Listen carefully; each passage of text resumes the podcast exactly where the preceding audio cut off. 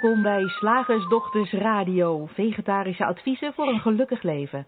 Linda Spaanbroek en Angela Mastwijk geven je een kijkje achter de toonbank van de menselijke ervaring. Hoe werkt het daar nu echt? Wij maken gehakt van ingewikkelde concepten en fileren met liefde ook jouw leven. Dat alles onder het motto geluk. Mag het een onsje meer zijn? Goedenavond luisteraars, ik ben Linda en aan de andere kant van de lijn met mij in deze uitzending is Angela. Goedenavond Angela. Hey, hallo daar. Jij klinkt uh, alsof je heel hard gerend hebt. Ah, ik ben ietsje te laat de hond gaan uitlaten voordat wij gingen beginnen. dus ik moest een paar keer, of moest, ik ging een paar keer de trap op, mijn computer naar boven, de, de thee naar boven. Uh, dus dat is, uh, dat is wat je hoort.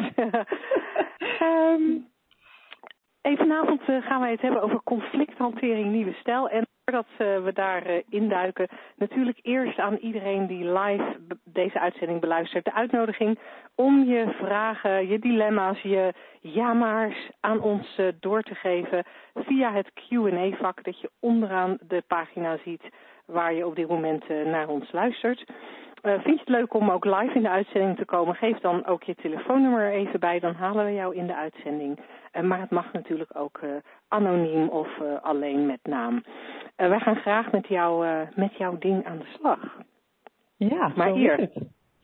Conflicthantering nieuwe stijl. Ik vind hem heel spannend. Laten we eerst beloven er geen ruzie over te gaan maken. Ja, hoe stop je met het ongemerkt aanwakkeren van conflicten was ons eerste punt. Hè? En dat ongemerkt is denk ik uh, wel een, uh, een, een heel uh, belangrijk woord in deze zin. Want als je er niet bewust van bent hoe je eigenlijk een conflict in stand houdt of, of verergert, ja, dan, dan kun je er ook niet houden. Nee, misschien is het toch goed om, om, om eerst even stil te staan bij waarom conflicten überhaupt een probleem zijn. Ja, zo zou je het ook kunnen bekijken inderdaad. een lekkere ruzie op zijn tijd. Ja, ja, en, en, en, maar, maar waarom problemen, denk ik, uh, waarom we dat als een, als een probleem ervaren is, omdat het op de een of andere manier de verbinding lijkt te verbreken tussen twee mensen. Het is vaak best wel lastig om, als je een conflict met iemand hebt, om... Uh, ja, om nog verbinding te voelen. En om daarna, eh, na, nadat het conflict heeft plaatsgevonden, om weer een beetje toenadering tot elkaar te vinden. Kan, oh, ja. kan, kan, jij je daar iets bij voorstellen of is dat iets wat, wat jij ja. helemaal niet meegemaakt? Nee, nou dat laatste wat je zegt inderdaad, als er iets is voorgevallen van hoe, ja, hoe, hoe krijg je dan weer verbinding? Hoe stap je daar overheen? Hè? Zo lijkt het te zijn. Van er is iets voorgevallen, dat moet ik achter me laten of dat moet ik uh, uh, ja, vergeten, vergeten en vergeven misschien. Uh, mm-hmm. Zoiets. En ehm, wat, wat het kan zo zijn dat het natuurlijk steeds in je achterhoofd letterlijk blijft meespelen. Van nou, ja, dat het een soort een, etterende wond blijft. Terwijl jij net als ik denk ik uh, de laatste tijd, sinds wij naar die drie principes kijken, toch gemerkt hebben dat als je ziet dat wat je meeneemt eigenlijk steeds maar die uh, niets betekenende gedachten zijn uit een voorval in het verleden, of zelfs dat je met je gedachten dat hele voorval uh, achteraf projecteert, hè, want ja, als het voorbij is, is het voorbij. Hmm. Dan is het ook een soort makkelijker om dat ja, eigenlijk letterlijk te vergeten, vind je niet? Ja, waardoor, waardoor conflicten op zich ook makkelijker. Het klinkt nu dat ik heel vaak conflict heb, maar waardoor ik wel gemerkt heb dat als ik een conflict heb, dat ik het, dat ik het inderdaad makkelijker achter me kan laten, waardoor het hebben van het conflict ook minder dramatisch is dan het, uh, dan het voorheen was. En ik denk dat, ja, ik, ik, want ik, ik vind het namelijk interessant. Uh, dat we zo. Nou ja, het is interessant dat conflicten ontstaan. Ja. Het is interessant dat als we dan een conflict hebben, dat we dat zo vreselijk vinden. Zodat we. De, ik zie. Ja, misschien zijn er wel twee typen mensen nu ik erover nadenk. De mensen, de, de conflictvermijders. En de, en de mensen die juist heel erg het conflict aangaan. En je hoort natuurlijk wel aan de manier waarop ik uh, dit gesprek begon dat ik een conflictvermijder ben. oh, jij ook al? en um, dus van de, vandaar ook mijn insteek van ja, weet je, het, het verliezen van de verbinding, dat is zo vervelend. Er zijn blijkbaar ook mensen die, die het conflict juist aangaan. Ik zou eigenlijk niet weten hoe dat dan voelt. Maar het feit is in ieder geval dat conflict iets met je doen en dat we, uh, dat, dat we daar allerlei eh, methoden en technieken voor hebben ontwikkeld als mensen om beter met conflicten om te gaan. He, mediators is tegenwoordig natuurlijk een, uh, een beroep om uh, conflicten te voorkomen of te vermijden. Um, er zijn ook dingen zoals uh, geweldloze communicatie, waarop bijvoorbeeld op scholen mee gewerkt wordt om ervoor te zorgen dat ehm, conflicten nou, minder gewelddadig worden um, opgelost. Geweldloze communicatie zou er ook voor zijn om inderdaad makkelijker tot een oplossing samen te komen. En uh, ja, ja, wij kijken daar net even een beetje anders tegenaan. Wij hebben het idee dat je die techniekjes niet zo nodig hebt. Nee, omdat het allemaal, uh, ja, vooral het woord aanwakkeren ook. Uh, als je, stel dat er een, een ik, ik zit me even voor te stellen dat, er uh, dat ik in een situatie zit, want ik, ik kan me niet zo snel eentje herinneren namelijk, anders is dat veel makkelijker kletsen natuurlijk. Maar stel dat ik in een situatie zit waarin een conflict zou dreigen, dan, dan denk ik dat ik een, een, nu de neiging zou hebben om even een stapje terug te doen en in mezelf te kijken van goh, wat, wat, uh, aan welke gedachten hecht ik heel veel waarde dat ik, dat ik die zo uh, uh, fel zou willen verdedigen of zo. Ja. Want ja. ik denk dat dat ja, bij, bij een conflict zo, zo, zo is. Je, hebt, je staat tegenover elkaar omdat je allebei uh, gedachten gelooft. En dat zijn dan tegengestelde gedachten in, de, in het geval van een conflict. Waarbij je, waaraan je heel veel waarde hecht. Je, die, die, die je heel erg gelooft. En het kan natuurlijk ook niet zo zijn dat je denkt, oh, uh, ik ga jouw gedachten geloven. Of jij moet mijn gedachten geloven. Hoewel het laatste natuurlijk heel handig is als iedereen dezelfde gedachten zou geloven als ik. Ja. Terwijl wij zeggen van, ja, ja, lijkt mij echt heel prettig. maar wat wij zeggen eigenlijk, dat is niet nodig. Als je ziet dat het gedachten zijn en dat je daarmee dus een realiteit creëert die voor een ander uh, door het geloven van zijn of haar eigen gedachten er heel anders uit kan zien. Ja, en het, het fascine, wat, wat ik dan, dat, wat ik daar heel fascinerend aan vind, is dat we die gedachten um, als op het moment dat je in een conflict zit of in een conflict dreigt te gaan, dan herken je wat je, wat je op dat moment voelt of denkt, herken je vaak helemaal niet als zomaar een gedachte. Op het moment dat je in het conflict zit of vlak voor het conflict staat, voelt het als heel erg absoluut echt. Uh, de, de, realiteit die je voor jezelf geschapen hebt, de, de, de, de, de, ja, de, de, de gevoelens en de emoties die je bewustzijn bij al die gedachten heeft uh, gemaakt, die maken het alsof dat wat jij op dat moment vindt, dat, is de waarheid en niets dan de waarheid. Uh, en dan, is het, dan kan het best heel lastig zijn om daarvan los te komen.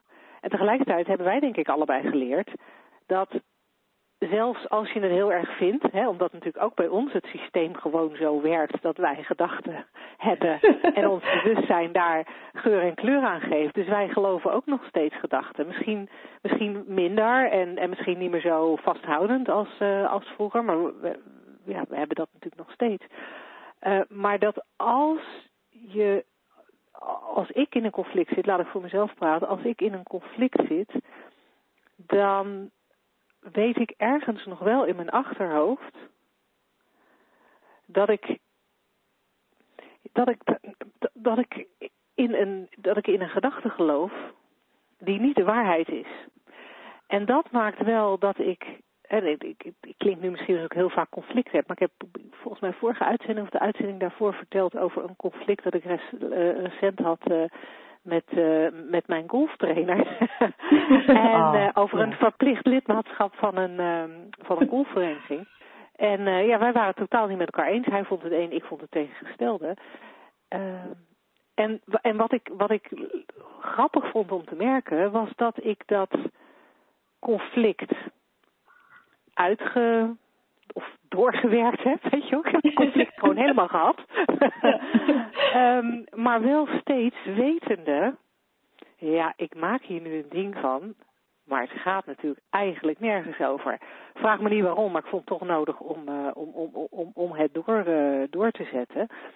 Maar dat maakt volgens mij wel dat je er wel al met een wat andere emotie in zit. En het maakte ook dat toen we aan het eind van, het, uh, uh, van, van de tango die we met elkaar dansten, aan het eind van de tango waren, dat, dat, dat, ik, dat ik hem zonder enige rancune um, kon aankijken. En ook zonder enige rancune verder, verder met hem de dagen, de trainingsdagen door kon. En, en dat vond ik wel heel speciaal om te merken. Ja, dat is inderdaad heel fijn. En terwijl jij dat zat te vertellen, toen dacht ik ook, ja, als ik terugkijk op de conflicten die ik wel gehad heb, uh, vroeger bijvoorbeeld in, in, uh, in mijn geval in de scheiding, dan vind ik het achteraf bezien nu gewoon komisch hoe, om te zien hoe, hoe overtuigd ik was van mijn gelijk en van, mm. van mijn zienswijze. En dat, en dat ik daar ook uh, uh, ja, echt, echt uh, bereid was om ver te gaan, heel ver te gaan om dat te verdedigen. En ik, ik kon me echt niet. Uh, en ik wilde dan ook nog wel concessies doen, maar, maar dat was, waren concessies aan de waarheid, zeg maar. Aan, ik kon toen ja. nog, nog lang niet zo zien dat, dat, dat, ik, dat er helemaal geen gelijk bestaat, zoals ik het nu uh, ervaar. En, nee, en dat, en dat, kan dat, natuurlijk, dat ja. Sorry. Nou, je kan natuurlijk wel weten wat je wil zit lekker door elkaar heen te praten. Ja. nee, ik wou zeggen, dat is een mooie opmaat naar agree to disagree. Hoe doe je dat in praktijk? Want Ja. als je er nu naar kijkt, hoe, hoe, hoe zou je dat dan verklaren of uitleggen? Agree to disagree, hoe je dat doet? Ja, nou, ik, ik, wat ik dacht was, ehm je kan natuurlijk wel helder hebben wat je wil. En dat kan heel iets anders zijn dan wat de ander wil. Maar wat ik, wat ik nu steeds vaker zie, omdat ik niet meer overtuigd ben van mijn gelijk, ook al kan ik nog steeds wel eh, helder zijn in wat ik wil, is het steeds vaker ehm zichtbaar dat je ook al, al wil de ander met wie je dan eventueel in een conflict zou kunnen komen, iets, iets totaal anders. Dat er ook uh, elk moment weer een, een nieuwe gedachte op kan komen en een nieuwe oplossing. En dat er uh, uh, duizend manieren zijn om, ja, om, om verder te gaan daarin. En dat het niet is van ik wil A en jij wil B. Nou, dan hebben we een padstelling en misschien komen we dan een beetje naar elkaar. Dat noemen we half A, half B.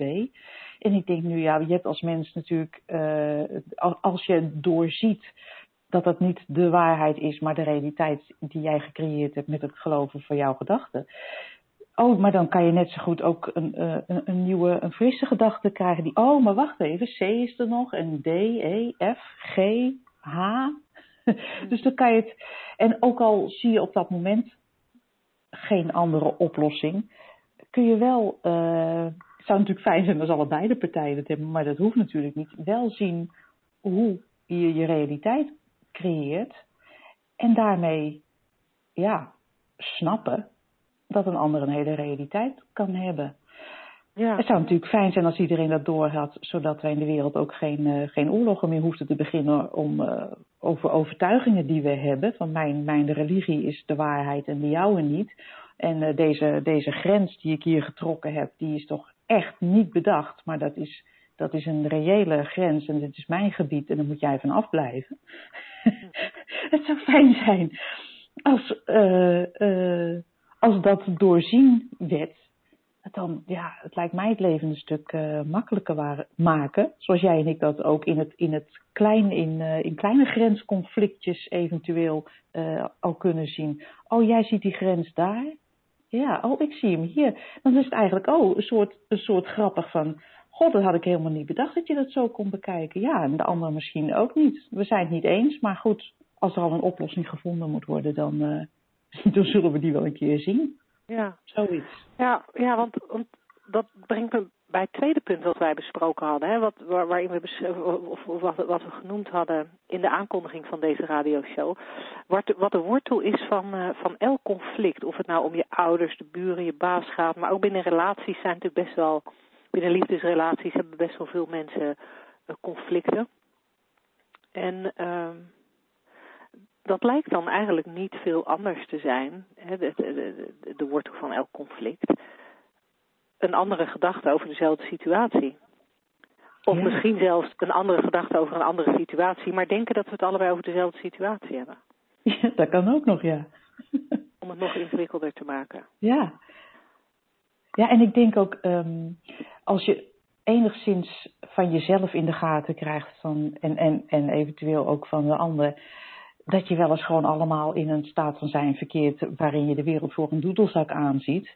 Uh, dat het handig is om op zo'n moment uh, vooral niet serieus te nemen wat je allemaal om je heen ziet. Dat je je overal aan ergert zo'n zo, zo hele dag, dat, dat, dat kan. Maar als je dan weet hoe je menselijke ervaring wordt gecreëerd, als je daar een beetje bewust van bent, dan snap je, nou, volgens mij moet ik vandaag maar uh, mijn mond houden of zo. Ja, ja.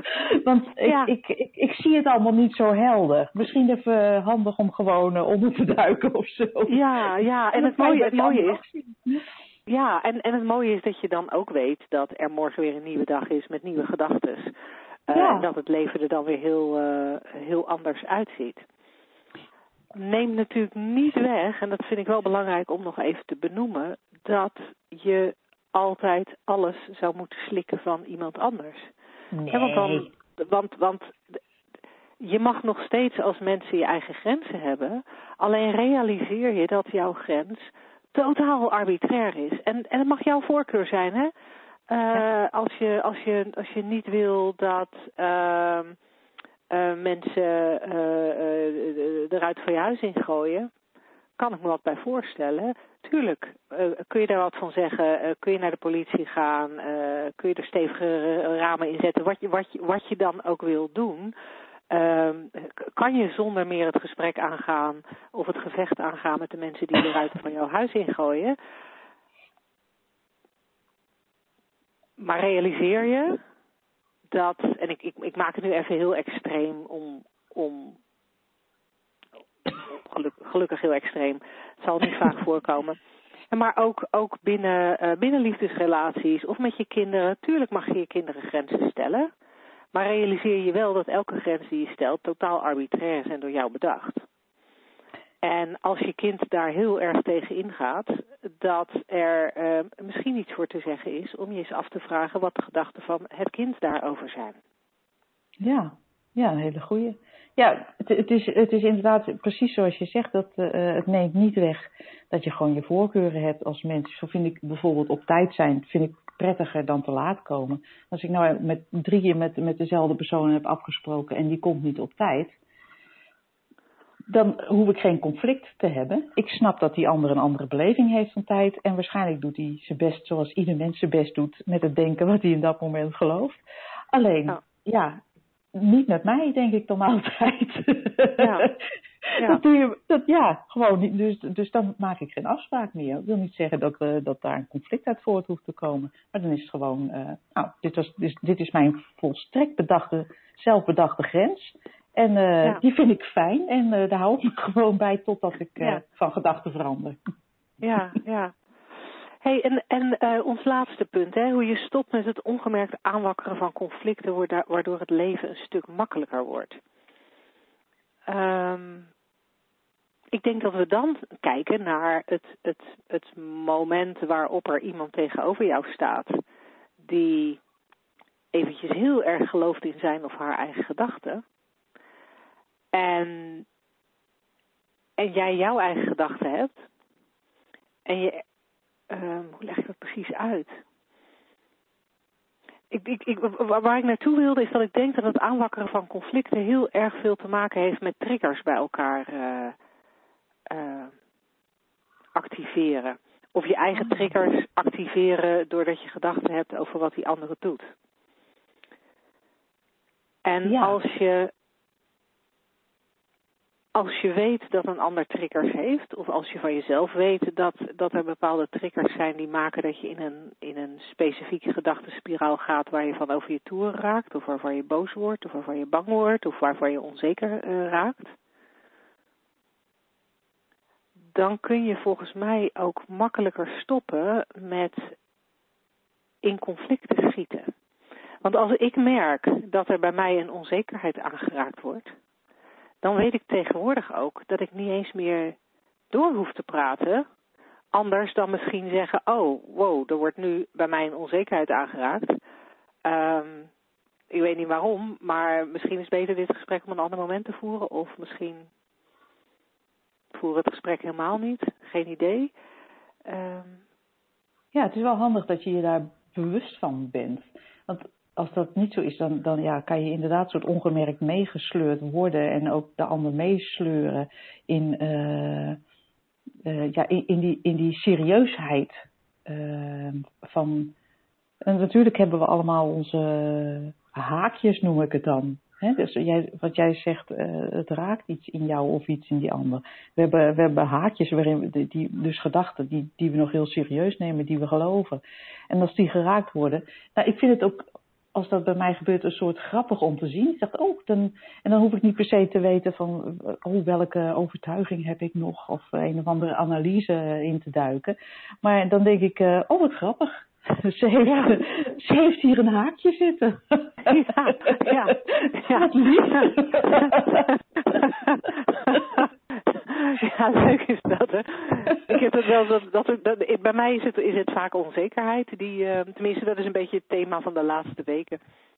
Dat ik me er bewust van ben. Dat, dat, dat als er bij mij een, een, een haakje is waar ik op reageer, dan heeft dat vaak te maken met onzekerheid.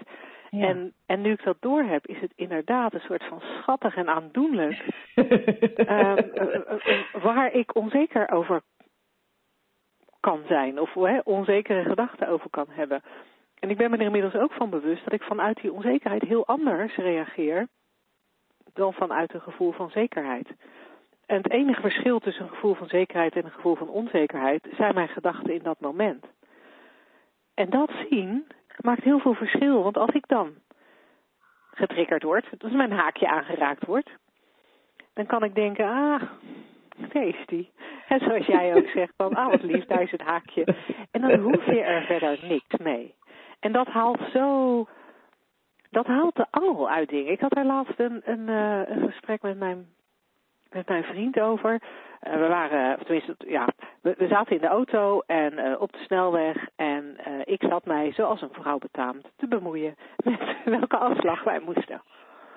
en ik, ik communiceerde dat op een manier die hij niet heel erg duidelijk vond. Uh, daar kan ik me van alles bij voorstellen, want ik zeg rechts als ik links bedoel en ik zit erbij te zwaaien zodat ik de goede kant aan, aanwijs. Maar ja, dat kan, kan allemaal heel verwarrend zijn. En dan heb je ook nog natuurlijk een navigatie die ook nog iets vertelt. Dus die arme man raakte in, uh, in hevige verwarring. En, uh, en, en ging vanuit die verwarring, ging die uh,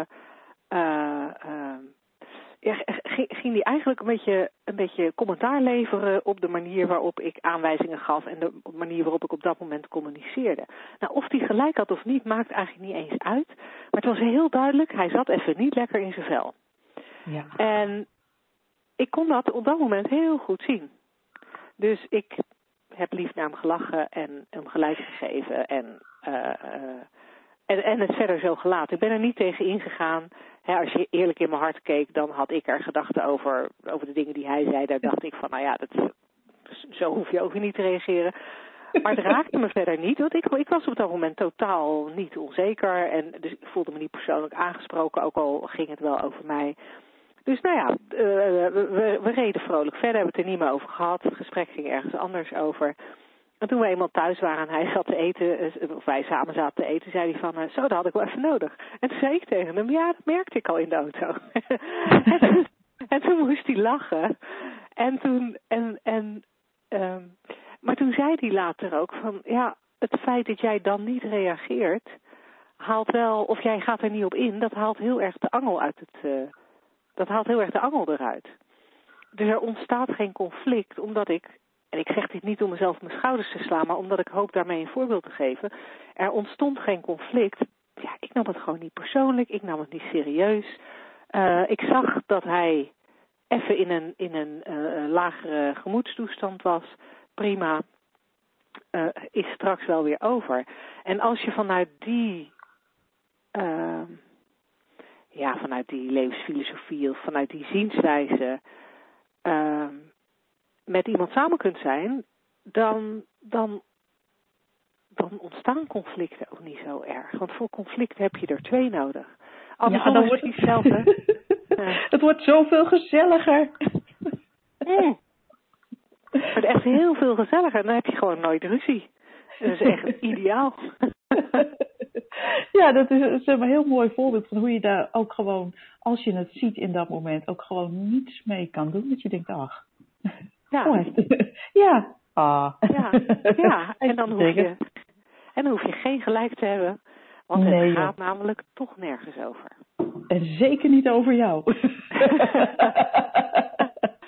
hey, ik uh, ben heel benieuwd naar het volgende item. Laten ja. wij naar de wetenschap gaan. Slagersdochters, wat zit er in de leverworst? Oftewel, tijd voor wat wetenschap. Dat was uh, mijn stokpaardje weer. Ik kwam deze week een, uh, een filmpje tegen van een celbioloog en een artikel uit de nanotechnologie. En het grappige oh, wow. was dat, ja, dat ze allebei tot dezelfde conclusie kwamen. En, en daarom heb ik ze gecombineerd, want ik vond het, uh, ik vond het grappig. Dus natuurkunde en biologie, zeg maar, technologie, tot dezelfde conclusie komen. En waar ging het over? Het ging over het zelforganiserende universum. Vond het zo'n mooi beeld. Dus uh, ik ben even gaan lezen en gaan kijken. En de celbioloog die legde dat lekker helder uit. Die zegt van nou, als, uh, ja, in de evolutie van de mensheid zijn we natuurlijk vrij laat gekomen met de ontdekking van de microscoop. Dus waren wij noodgedwongen vroeger in de, in de biologie en in de natuurkunde ja, grote dingen te gaan onderzoeken. Dingen die we alleen met het blote oog konden waarnemen, zoals bijvoorbeeld een menselijk lichaam. Mhm. En nou ja, met, met komst van steeds betere technologie konden we dan steeds uh, dat, dat op gaan delen. Hè? Dus ook zo'n menselijk lichaam, dat was het eerste wat we konden zien. Hoe zou het in elkaar zitten? Nieuwsgierig, biologie. En uh, nou, toen is men met behulp van zo'n microscoop steeds kleiner gaan kijken, kleiner gaan kijken, kleiner gaan kijken, kleiner gaan kijken. Tot op celniveau. En, uh, en uiteindelijk, de hele tijd heeft men gedacht, oh, dat is dus het kleinste deeltje in het universum. In, de biologie dan, in bijvoorbeeld het menselijk lichaam, maar dus ook in andere uh, natuurlijke uh, entiteiten, bomen en zo. Cellen, dat is het kleinste niveau, totdat men nog verder ging kijken en bleken er in die cellen toch ook weer dingen te zitten die nog kleiner waren. En als we dan heel klein, ja, uiteindelijk zijn we dus nu erop uitgekomen dat eigenlijk alles energie is, hè zoals ook mhm. de kwantumfysica zegt.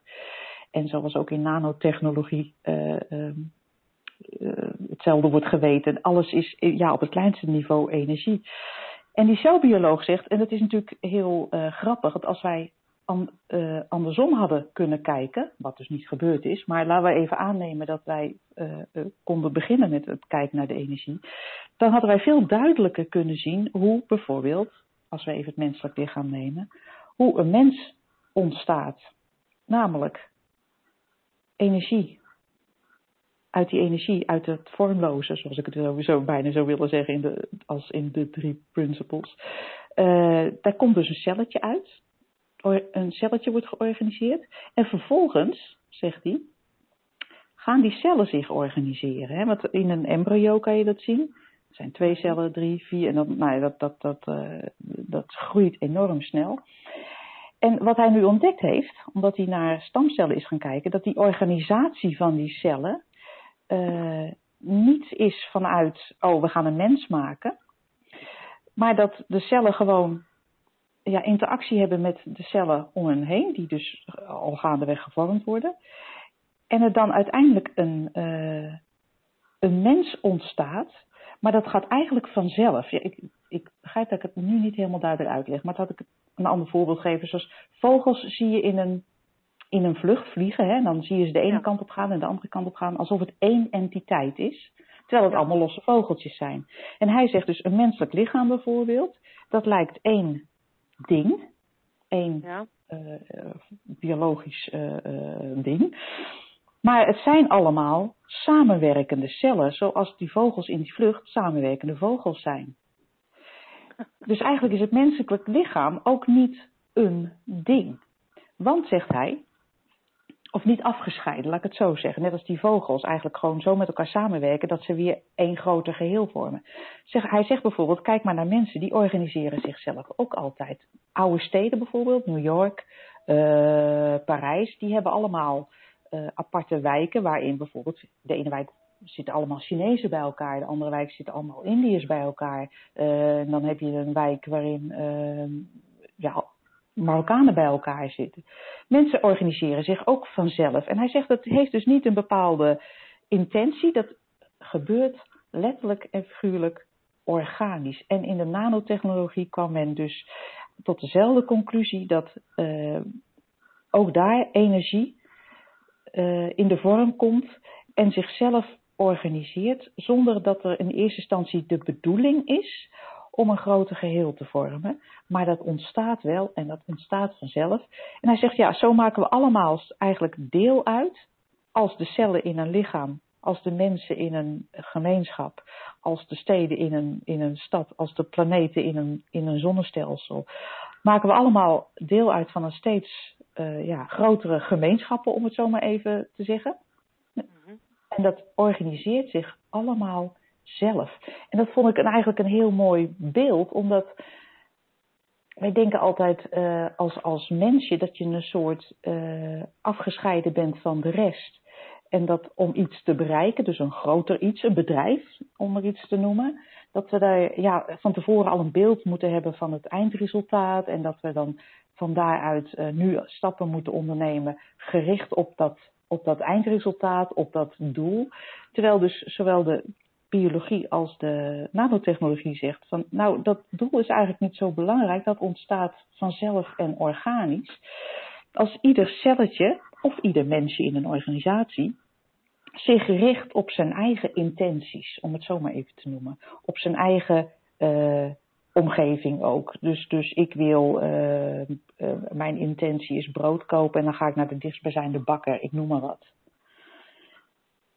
En als iedereen dat dus gewoon doet zoals vanzelf gebeurt, en dat, dan vormt het automatisch een groter geheel, zoals het hele universum dus zelforganiserend is. En dan denk ik, als mens doen wij dus eigenlijk veel te veel moeite om uh, grote doelen te bereiken. Gaat het eigenlijk vanzelf zonder dat je hoeft te weten waar, uh, waar het eindpunt is of wat je dus zelfs maar je doel is. Je hoeft alleen maar bezig te houden met wat hier en nu jouw intentie en de volgende stap is. En dan gaat de rest vanzelf. Zo legde ik het uit tenminste. Dat was het idee wat ik kreeg bij het, uh, bij het lezen van, uh, van deze twee uh, wetenschappelijke artikelen. Weet jij er wat van? Ja. Ja, nou ja, wat ik er, wat ik er vooral van oppik is dat is, is um, wat, wat ik erin hoor is we denken als mensen altijd dat we van alles moeten regelen. Hè? Wat, jij eigenlijk ook aangeeft met als je een bedrijf wil bouwen, dan heb je grote doelen nodig. Dan, ja, dan moet je dat van tevoren ook weten hoe je dat gaat inrichten. Um, en, en als mensen in een nog groter geheel hebben we altijd het gevoel dat wij, dat wij echt, echt, dat het echt heel belangrijk is welke keuzes we maken en welke kant we op gaan. Terwijl als ik jou hoor, maakt het eigenlijk niet zoveel uit, want het organiseert zichzelf. Ik kan er niet helemaal goed bij hoor, maar zo klinkt het dan voor me. Ja, nou ik vond vooral die, die celbioloog had een heel mooi verhaal van, ze gingen dus eigenlijk uh, uh, kijken hoe dat uh, werkt met de vorming van, een, van stamcellen.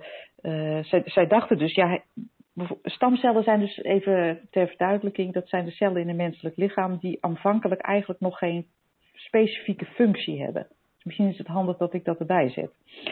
Stamcellen hebben geen specifieke functie, maar op een gegeven moment ontwikkelen zij zich tot een hartcel, een maagcel, een niercel, een levercel. En uh, ze waren dus nieuwsgierig naar, maar hoe komt het nou uh, dat zo'n stamcel op een gegeven moment besluit, ik word een levercel. Want het verbazingwekkende is, haal je zo'n stamcel uh, uh, ergens uit, je zet hem ergens anders in, dan wordt hij gewoon een hartcel. Die kan alle vormen aannemen. Dus zij vroegen, zij vroegen zich af, hoe, hoe vormt dat zich nu? Nou, uh, die stamcellen hebben dus van zichzelf niet een einddoel van ik word een levercel. Maar ze gaan er zo, zoals ik het me dan voorstel, om zich heen kijken.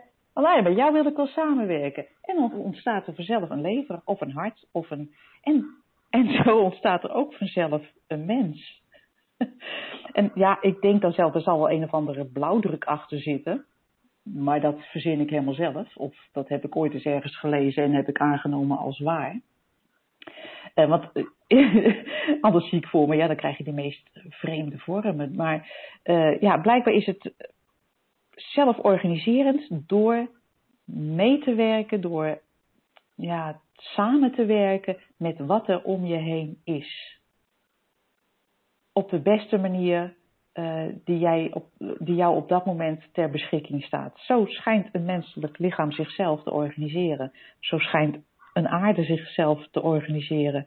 En een, uh, ja, het hele universum dus ook. Dan moet je, moet je eens kijken hoe dat, als je daarnaar gaat kijken, hoe dat uh, werkt met de zon en die planeten die eromheen draaien. En precies alles.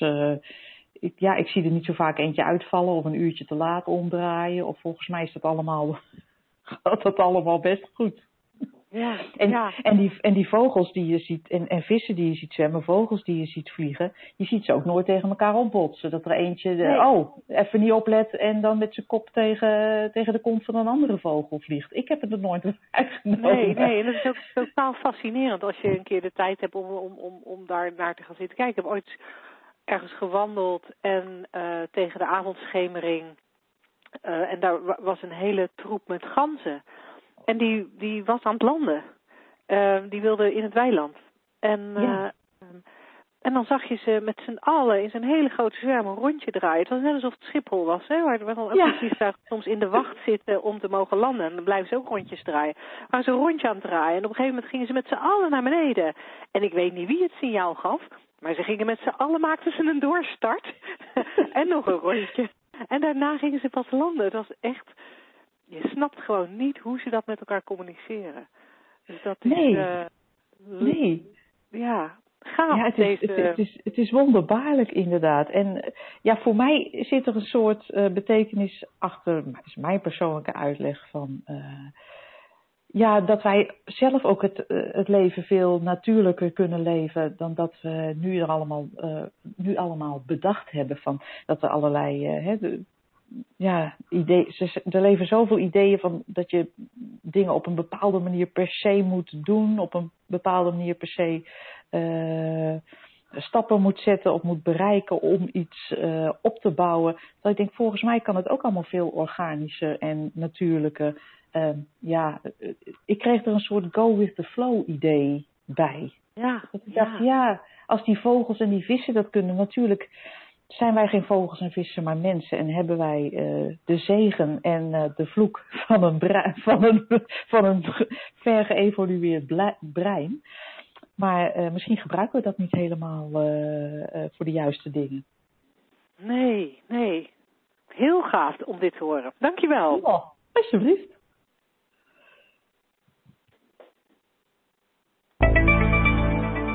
Zeg, slagersdochters, hoe bak ik die vegaburger? Over naar de luisteraarsvraag. Angela, is er vandaag eh, een vraag binnengekomen via mail of neem ik de vraag die vorige week binnen was gekomen?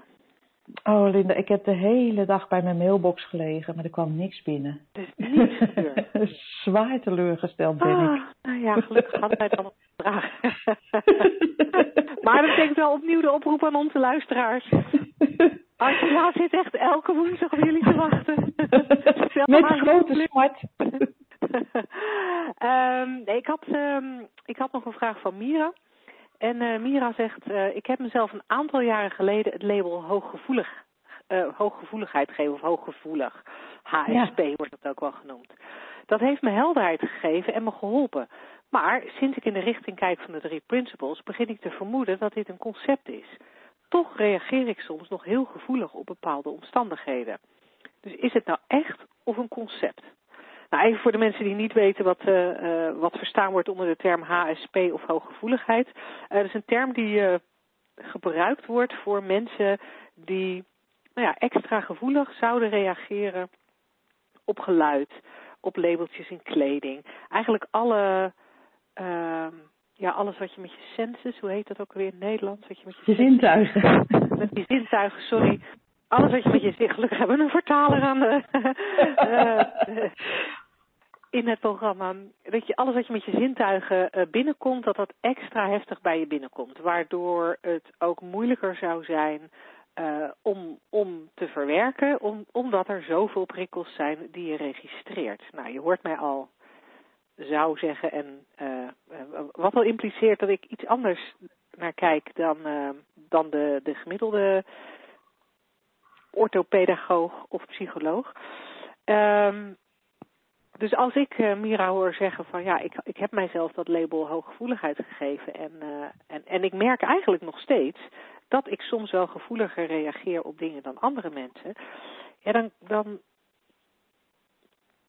dan denk ik dat het te maken heeft met het feit dat je, dat je meer gedachten hebt over bepaalde uh, dingen die in je omgeving voorkomen. Maar dan moet ik je eerlijk zeggen, bij geluid en bij. Is eigenlijk best een moeilijke vraag. Bij geluid en, uh, uh, en bijvoorbeeld mensen om je heen, uh, kan, ik me het, kan ik het me voorstellen dat het heel erg een psychologisch ding is. Ik moet zeggen, bij labeltjes in mijn trui weet ik eigenlijk niet wat ik ervan vind. Heb jij er iets zinnigs over? Ik vind het nogmaals, je daar Ja, nou, nou, het is heel, heel toevallig, maar ik, uh, ik sprak zowel vandaag als gisteren iemand die, waarvan de een dacht dat hij uh, hooggevoelig was, net als Mira zei, en de ander zei van nou, ja, zegt er zo'n mens tegen me, je bent hooggevoelig, dat zal wel. Ja, ja, nee, ja. ik heb ook iemand, ja. ik sprak gisteren ook iemand die ook, ook hooggevoeligheid voor zichzelf Oh. ontdekt. Dus het is in, mijn, in mijn praktijk ook een beetje een thema op het moment. Kijk, nou, dan is het gewoon een, een, een, een Nederlands thema, laten we het zo maar even Het hangt in de noemen. lucht. Het hangt in de lucht, ja, hooggevoelig, ja. Ja, we hebben het natuurlijk al eerder ook gehad over, over labels, dat, uh, uh, hoe die ook een soort self-fulfilling prophecy worden. Uh, in het Engels hebben ze daar zo'n hele mooie zin voor. What the thinker thinks, the prover proves. en ja, dus wat dat er gaat, vind ik het nooit fijn om labels te hebben, omdat ik denk, ja, geef er een label uh, aan en uh, je zult uh, het jezelf bewijzen. Aan de andere kant, ik hou ook niet van grote supermarkten en veel lawaai om me heen. Maar ik zou van mezelf niet zeggen dat ik hooggevoelig ben, omdat ik mezelf geen enkel label op wil, op wil plakken.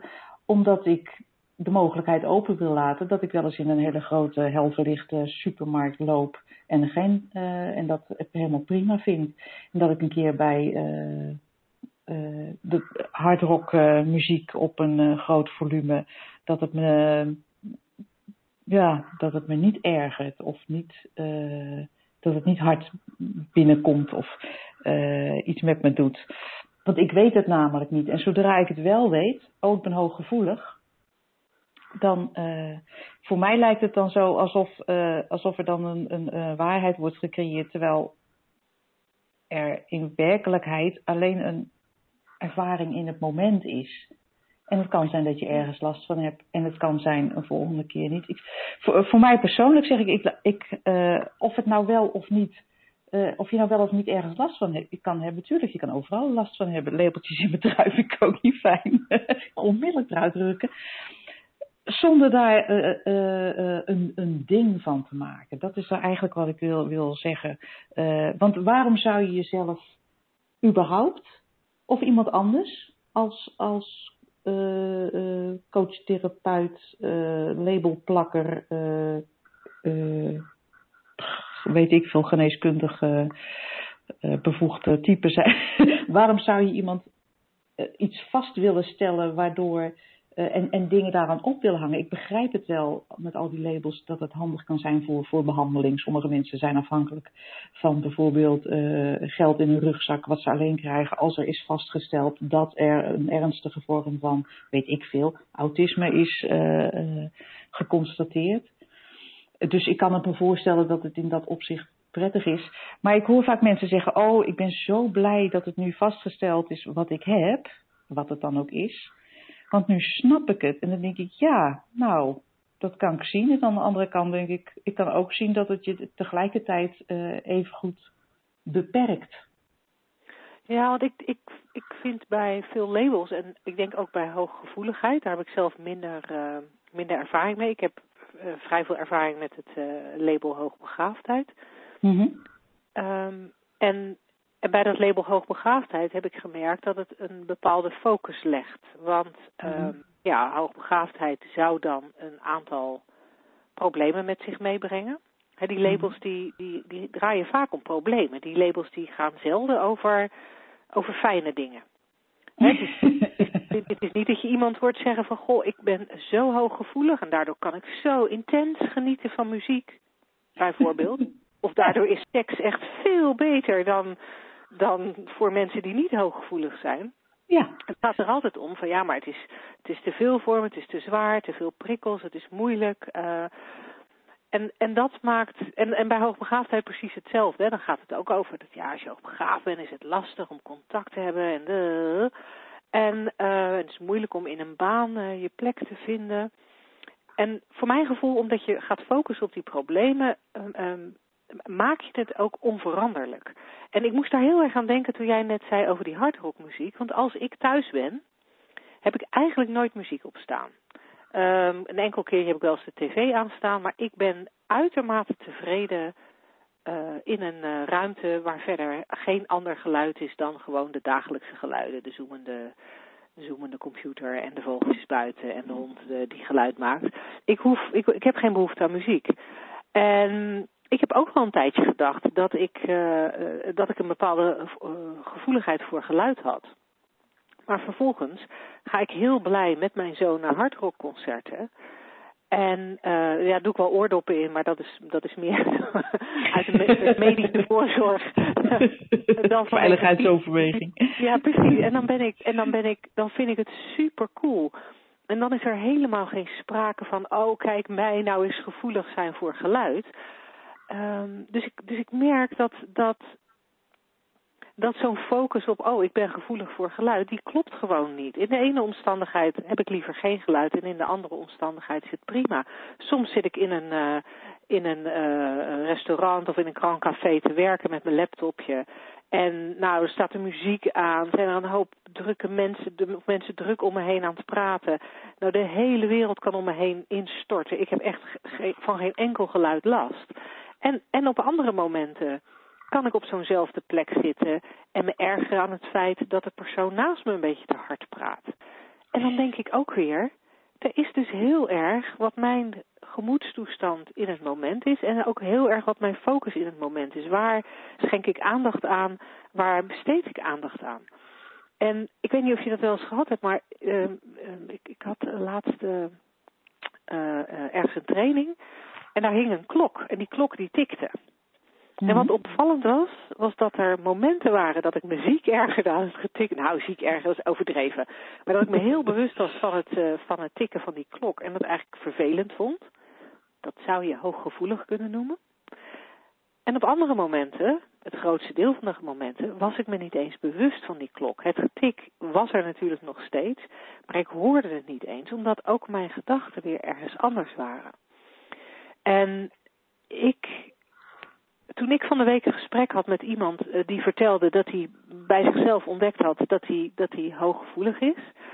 En die gaf als voorbeeld om dat te bewijzen dat uh, als hij op kantoor komt, dat hij alle prikkels oppakt en eigenlijk ook voortdurend uh, zich bewust is van waar iedereen mee bezig is, welke gesprekken iedereen voert. en hij zei van ja, dat zijn onwijs veel prikkels en, en um, en die prikkels zijn moeilijk te verwerken, dus daardoor word ik wel heel erg moe van op mijn werk zijn. En ik kan me voorstellen, maar dan zit ik te filosoferen, hè, want ik, ik, ja. ik weet het niet zeker. Dit is echt een gebied waar ik, uh, uh, omdat ik zelf die hooggevoeligheid niet als zodanig bij mezelf herken, moet ik er een beetje over filosoferen. Maar als ik erover filosofeer, kan ik me heel goed voorstellen dat het feit dat hij op kantoor binnenkomt en, en zoveel prikkels binnenkrijgt, dat dat te maken heeft met de gedachten die hij heeft op het moment dat hij het kantoor binnenkomt.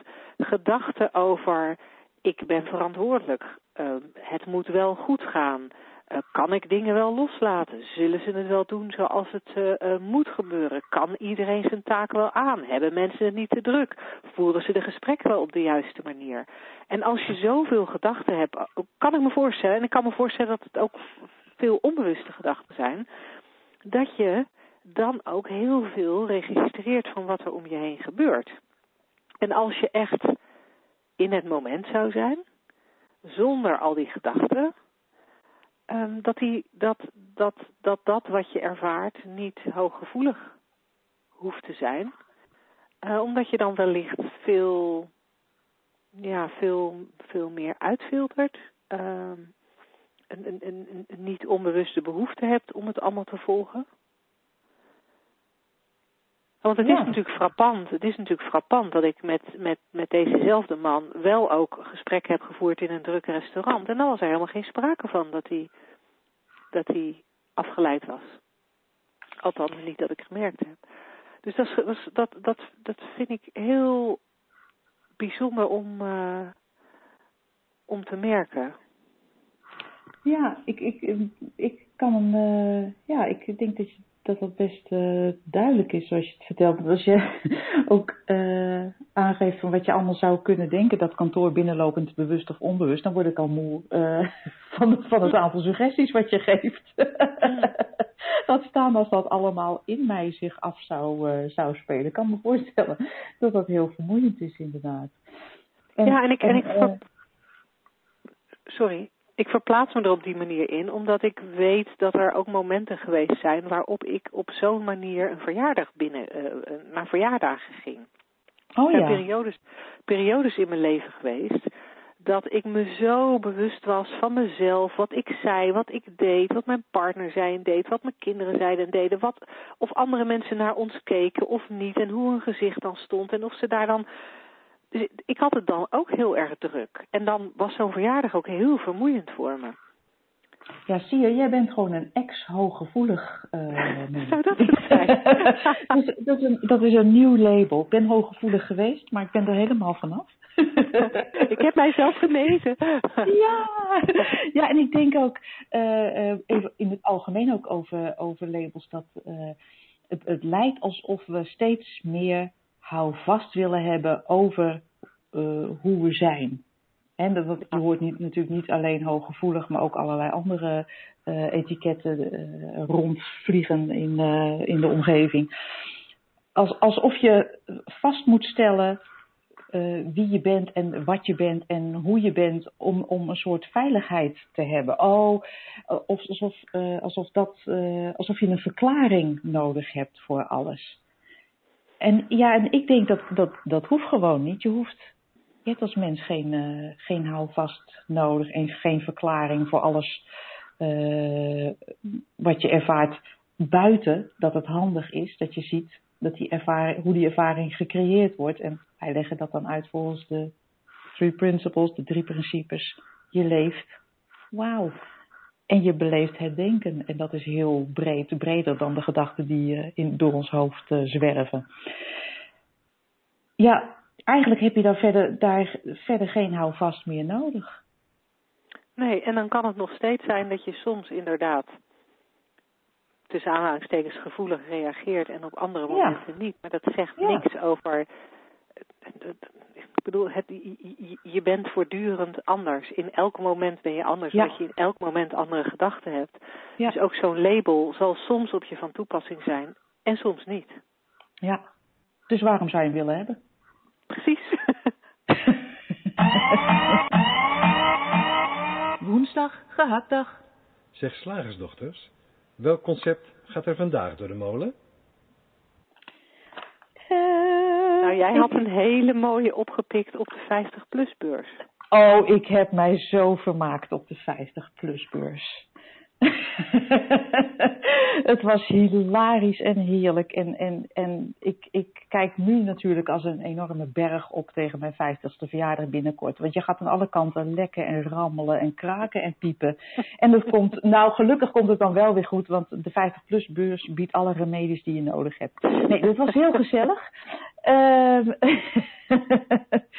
ik zit even te kijken hoor, terwijl ik zit te kletsen. Uh, ja, ik, zal, ik, ik, ik heb hem hier staan, dus ik kan Oh, hem jezelf voorlezen. Je moet de ander voorop stellen. Van Ja. jezelf houden is egoïstisch. Ja, dat is heel egoïstisch. Die heb jij blijkbaar daar gehoord. heb ik, ja, ja, want eh, nou, de, de aanleiding daarvan was eh, eh, een, een religieuze eh stand, die waren er ook. Mhm. Religies, politieke partijen. En eh, die vroegen dan de vraag aan voorbijgangers, wie houdt er van jou? En zij waren niet nieuwsgierig naar het antwoord, want zij hadden namelijk het antwoord al. Oké. Ja, hun antwoord. De, de, de, Ja. Het opperhoofd van hun religie hield namelijk van jou. Dus ze waren niet echt geïnteresseerd in de antwoorden die zij kregen. Want daar kwamen ze bam overheen met nee. Tenminste, als je het verkeerde antwoord gaf dan in hun ogen. Maar dat is grappig. Dus eh, eh, mijn partner had daar een, eh, een, een, een fascinerend gesprek mee. En zij meldde dus vervolgens dat van, je, van jezelf houden heel erg egoïstisch was. Want hij, had als antwoord, hij had als antwoord gegeven, ik? Wat dus Ja, helemaal verkeerd ja. was. Ja, was helemaal verkeerd. En dat vond ik heel grappig, want het is een soort. eh, ehm, ik kan het wel zien een soort in het, in het, in het Hollands. eh, eh, een soort collectief bewustzijn. Dat je vooral niet. dat het veel, veel belangrijker is wat je allemaal. hoe je van een ander houdt. dan dat je voor jezelf zorgt omdat je dan een beter mens zou zijn. En ik denk, ja, hoe werkt dat dan? Dus ik, Nou, ik hou alleen van de niet. mensen om me heen. Nee. Ik, ik zeg maar het, het, het hele concept van dat het belangrijk is om van anderen te houden. Nee, ik, wacht even, vertel hem nog even opnieuw. Ik kan hem geloof ik niet eens volgen. Waarom moest je niet van jezelf houden, maar. Dan ben je heel egoïstisch, want alle dingen die je dan doet, doe je ook alleen maar voor jezelf en je houdt geen rekening met anderen. Dat was de interpretatie van, van jezelf houden. Als het, eh, dat het egoïsme was. En dat vond ik een interessante. Want ik dacht, ehm, laten we er even van uitgaan dat, dat, dat Angela eh, een heel echt eh, bestaand persoon is. Gewoon omdat het kan, gaan we daarvan uit. En, eh, maar die houdt niet van zichzelf. Die vindt zichzelf echt, eh, echt waardeloos. En eh, wat heeft zij dan anderen nog te bieden, denk ik? Ja, dan. ja, nou. eh weet het, gaat ook wel een beetje in natuurlijk tegen de heersende cultuur dat je eerst voor jezelf moet houden en dat je daarna pas van anderen kunt houden. Ehm, ik merk dat dat, en dat is natuurlijk ook een concept, hè? Ja, dat je niet nou, van anderen kunt houden als je al- alleen, alleen als je, dat je eerst voor jezelf moet houden. Ja, het is, het Wat is houden van eigenlijk? Moeten we het daar niet over Ja. hebben? Nou, ik wou net zeggen, we moeten gewoon nog veel meer stappen terug volgens mij. Want als we gaan zeggen van eh, of het nou goed of slecht is om van jezelf te houden, of, of goed of slecht om eerst van een ander te houden, dat is natuurlijk allemaal even arbitrair. Ja.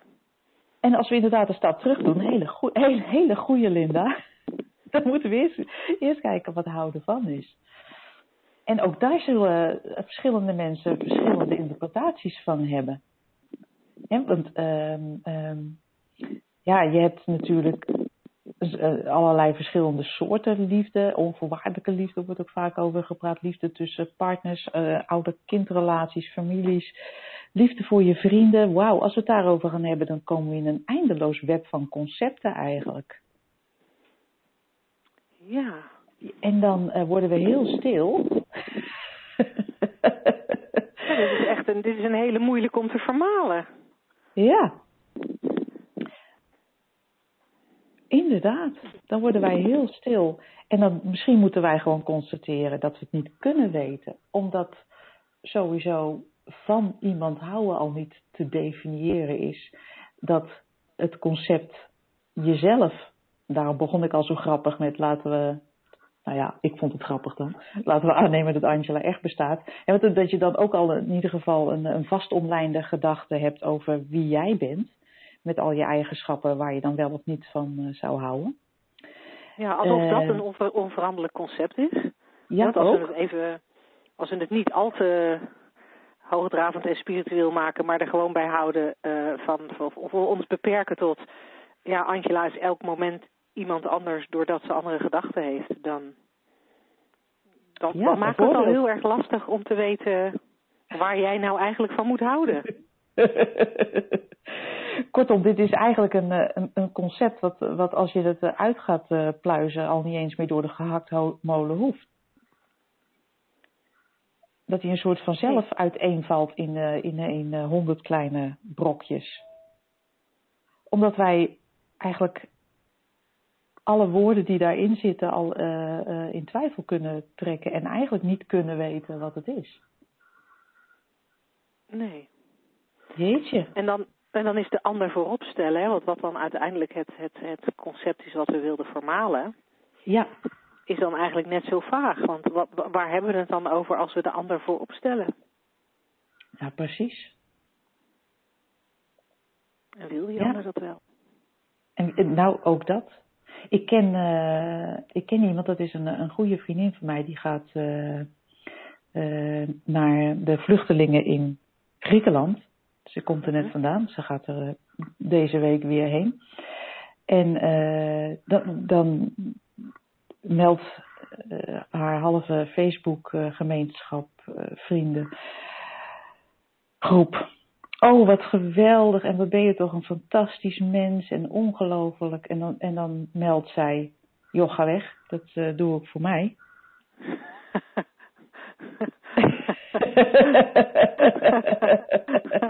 Dat is puur egoïsme. dit, ja, dit, dit doe ik voor mij. Ja. Ja, en dus dat, ik denk dat je daar ook iets interessants zegt. Want het hele concept, je moet de ander voorop stellen, is als je dat al zou doen, eh, als je daar al van zou houden, eh, om dat te doen, dan doe je dat ook voor jezelf. Dan krijg, geeft het jou blijkbaar een goed gevoel. Dan krijg jij er blijkbaar positieve gedachten van. Of zorgt het ervoor dat je je eigen onzekere gedachten even wat minder voelt. Om, omdat je zo heerlijk bezig bent voor die ander. Nou, daar heb je ook denk ik een, een heel goed punt te pakken, Linda. Uiteindelijk is eh, van jezelf houden misschien egoïstisch, maar is eh, van anderen houden net zo egoïstisch, omdat je dat ook voor, je, voor jezelf doet. Dus eh vermalen dit concept. Weg ermee. hey, ik denk dat we hiermee eh, op een hele um, um, fraaie manier aan het eind van deze uitzending zijn gekomen. Uh, dankjewel voor het fijne gesprek, Angela. Jij ook, Linda. Dankjewel, dankjewel aan alle luisteraars. En vergeet niet om je vragen en je ja-maars, ja-maar slagersdochters, dat zeggen jullie nu, maar, puntje, puntje, puntje, aan ons te sturen via welkom@deslagersdochters.nl. We gaan er heel graag mee aan de slag. En graag tot volgende week. Dag allemaal. Tot dan.